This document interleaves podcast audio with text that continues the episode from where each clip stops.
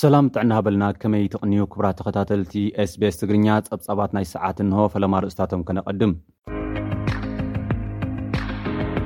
ዕጥቋት ኣምሓራን ኦሮሞን ኣብ ዝዋግእሎም ዘለዉ ከባብታት ብዙሓት ሰባት ከም ዝሞቱን ከም ዝተመዛበሉን ተገሊጹ መስመር ኤሌክትሪክ ከተማ መቐለ ምስ ናይ ፌዴራል መዋህለሊ ሓይሊ ተራኺቡ።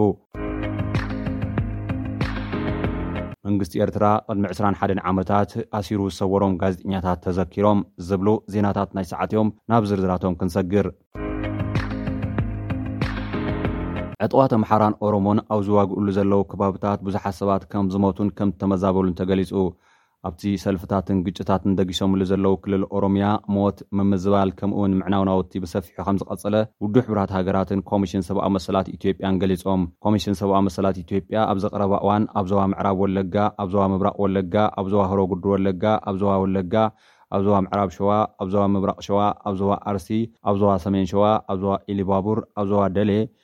መቕተልትን ምምዝባል ሰባትን ከም ዝተፈጸመ ትማሊ ኣብ ዘርገሖ መግለጺ ኣፍሊጡ። ቤት ጽሕፈት ሰብኣዊ ረድኤት ሕቡራት ሃገራት ኦቻ ብወገኑ ኣብ ምዕራብ ወለጋ ክልል ኦሮምያ ዘሎ ግጭት ንሰላማውያን ሰባት ከም ዘመዛበለን ንብረትን ንመሰረተ ልምዓትን የዕኑ ከም ዘሎን ኣፍሊጡ ኣሎ።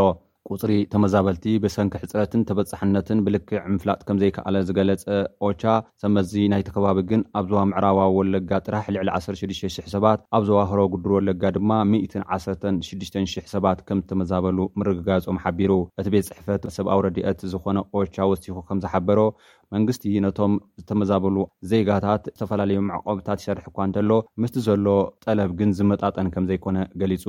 ብተመሳሳሊ ኣብ ዞባታት ጉጂን ምዕራብ ጉጂን ዘሎ ግጭት እውን ንሰብኣዊ ረድኤት ከይቐርብ ከምዝኸልከለ ገሊፁ'ሎ። ጉድለት ምግቢ እውን ብፍላይ ኣብቶም ደርቂ ዝወቕዖም ከባብታት ኣዝዩ ከምዝገደደ ዝገለፀ ኦቻ፣ ካብ መንጎ ዝተመርመሩ ህፃናት ዳርጋ ክልተ ሚእታዊት ሕፅረት ምግቢ ከምዘጥቅዖም ሓቢሩ። ኣብ ዞባ ምብራቕ ወለጋ፣ ሆሮ ጉድሩ ወለጋን ብዝተፈፀመ ብሄር መሰረት ዝገበረ መጥቃዕቲ ብዙሓት ሰባት ከምዝሞቱን ኣማኢት ኣሽሓት ድማ ከምተመዛበሉን ክግለፅ ፀኒሑ'ዩ። ነበርቲ ናይቲ ከባቢ ጠንቂ ናይቲ ግጭት ዕጡቓት ሰራዊት ናጽነት ኦሮሞን ዕጡቓት ኣምሓራ ዝኾኑ ፋኖን ከምዝኾኑ እዮም ዝኸሱ።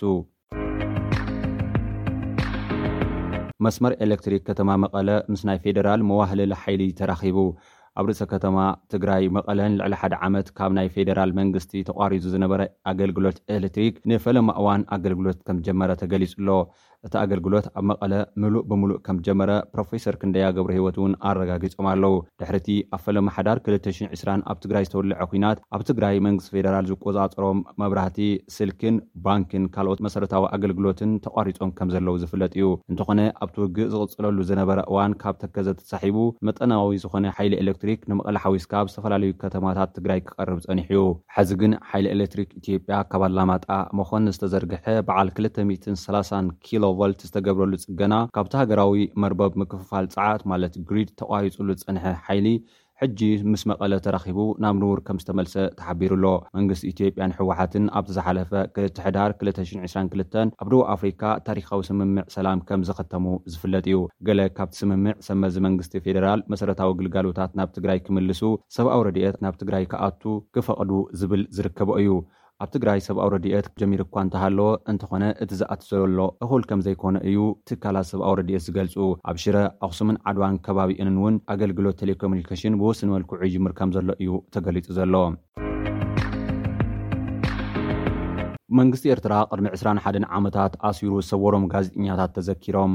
ኣብ ዌስትሚኒስተር ፓርላማ ብሪጣንያ ቅድሚ ዕስራን ሓደን ዓመታት ተኣሲሮም ናይ ዝተሰወሩ ኤርትራውያን ጋዜጠኛታትን ዲሞክራስያዊ ቅዋም መንግስቲ ክትከል ብምሕታቶም ብዘይ ንቡር ፍርዳዊ መስርሕ ዝተሰወሩ ደለይቲ ሓርነትን ድሕረ ባይትኦም ዘንጸባርቕ ስእላዊ ምርኢት ብወግዒ ከም እተኸፍተ ተገሊጹ ኣሎ።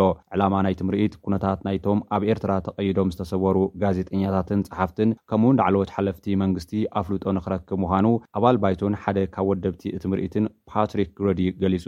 ቢቢሲ ከም ዝጸብጸቦ፣ ፓትሪክ ግረዲ ኣብ ዝሃቦ መብርሂ፣ ኣባላት ባይቶ፣ ህዝቢ ብሪጣንያ ብሓፈሽኡ፣ ኣስማት ናይዞም ተኣሲሮም ዝተሰወሩ ግዳያት ክፈልጥዎም ንደሊ ኢና፣ ንነዊሕ ዓመታት እዞም ኣካል ብኣባላት ፓርላማ ብሪጣንያ ዝቖመ ጉጅለ AAP ዘይዝኾንና ሰባት ዘንብዕ ምስክርነታት ሰሚዕና ኢና፣ ምስክርነት ናይቶም ኣደታቶም፣ ኣቦታቶም፣ ኣሓቶም፣ ኣሕዋቶም፣ ደቆም፣ ኣዝማዶምን እሱራቶምን ኣበይ ከም ዘለዉ፣ ብህይወት ኣለዉ ድዮም የለዉን ዘይፈልጡ፣ ክትኣምኖም ዘጸግሙ ዛንታታት፣ ኩነታት መዳጎኒታት፣ ኣብ ኮንቲነራት መጓዓዝያ ምዕጻው፣ ኣብ ሃሩር ምድረባዳታት ኣብ ዝርከብ ጎዳጉዲ ምቕባር፣ ከምኡ'ውን ዛንታታት ናይቶም ኣብ ጎረቤት ኩናት ሃገር ኢትዮጵያ ንኽዋግኡ ከካብ ኣባይቶም ብሓይሊ ዝግፈፉ ኣናእሽቱ መንእሰያት ደቂ ተባዕትዮን ደቂ ኣንስትዮን ሰሚዕና ኢና ክብል እቲ ኣባል ባይቶ ምዝራቡ ገሊጹ'ሎ።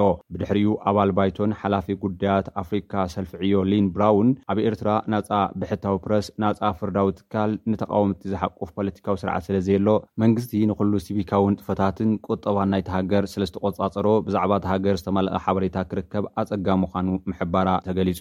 ፓርላማ ዓባይ ብሪጣንያ፣ መንግስቲ ኤርትራ ኣብ ኤርትራ ዝፍጽሞ ዘሎ ግህሰት ሰብኣዊ መሰላት ከይኣክል፣ ኣብ ኲናት ኢትዮጵያ ኢዱ ብምእታው ግፍዒ ብምፍጻሙ ኮኒኑ፣ እቲ ዕሽሽ ዝተባህለ ጉዳይ ሰፊሕ ኣቓልቦ ክረክብን ኣብቲ ዞባ ሰላምን ርግኣትን ንኽመጽእ ዝከኣሎም ክጽዕሩ ምዃኖም'ውን ገሊጾም'ዮም። ሎርድ ኣንቶን ብወገኑ፣ እቲ ኣባላት። ባይቶ ዓባይ ብሪጣንያ ኣብ ዝመሓላለፍሉ ላዕለዋይ ኮሪደር ቀሪቡ ዘሎ ስእላዊ ምርኢት ብዙሕ ክጸሉን እቲ ኣብ ኤርትራ ዝፍጸም ዘሎ ግህሰት ሰብኣዊ መሰላት ኣቓልቦ ክረክብን ኣዝዩ ሓጋዚ ምዃኑ ተዛሪቡ። ኣብቲ ኣጋጣሚ ዝተረኽበ ብሕቡራት ሃገራት ዝተመዘዘ ፍሉይ ተኸታታሊ ሰብኣዊ መሰላት ኤርትራ መሓመድ ዓብዱ ሰላም ባቢ ከር ብወገኑ ምስዋር ናይቶም ግዳያት ሓደ መርኣያ ናይቲ ኣብታ ሃገር ዘሎ ምግሃስ ሰብኣዊ መሰላት ዘርኢ ምዃኑ ተዛሪቡ። ኣብቲ ስነ-ስርዓት መኽፈቲ ዳይረክተር ፓን ኤርትራ መንእሰይ ዓወት ተስፋዬ፣ ነቶም ናይ ደገፍ መልእኽቲ ዝሃቡ ኣባላት ፓርላማን ነቶም ልዕሊ ዕስራ ዓመታት ብዘይ ደሃሽ ዝተሰወሩ ኤርትራውያን እሱራት ዘሕልፍዎ ዘለዉ ቃንዛን ስቓይን ዘንጸባርቕ ኤግዚብሽን ክርእዩ ንዝመጽኡ ደለይቲ ለውጢ ተቓለስቲ ፍትሒ ንስድራቤታቶም ኣዕርኽቶምን ብምምስጋን ነቲ ግዝያዊ እገዳ ብእትብል ሓረግ ብ ዓሰርተ ሸሞንተ መስከረም ክልተ ሽሕን ሓደን ዓመተ ምህረት ንጋዜጠኛታት ብሕቲ ዝኣገደን ንኣዳለውትን ኣሲሩ ዘሎ ስርዓትን ኮኒኑ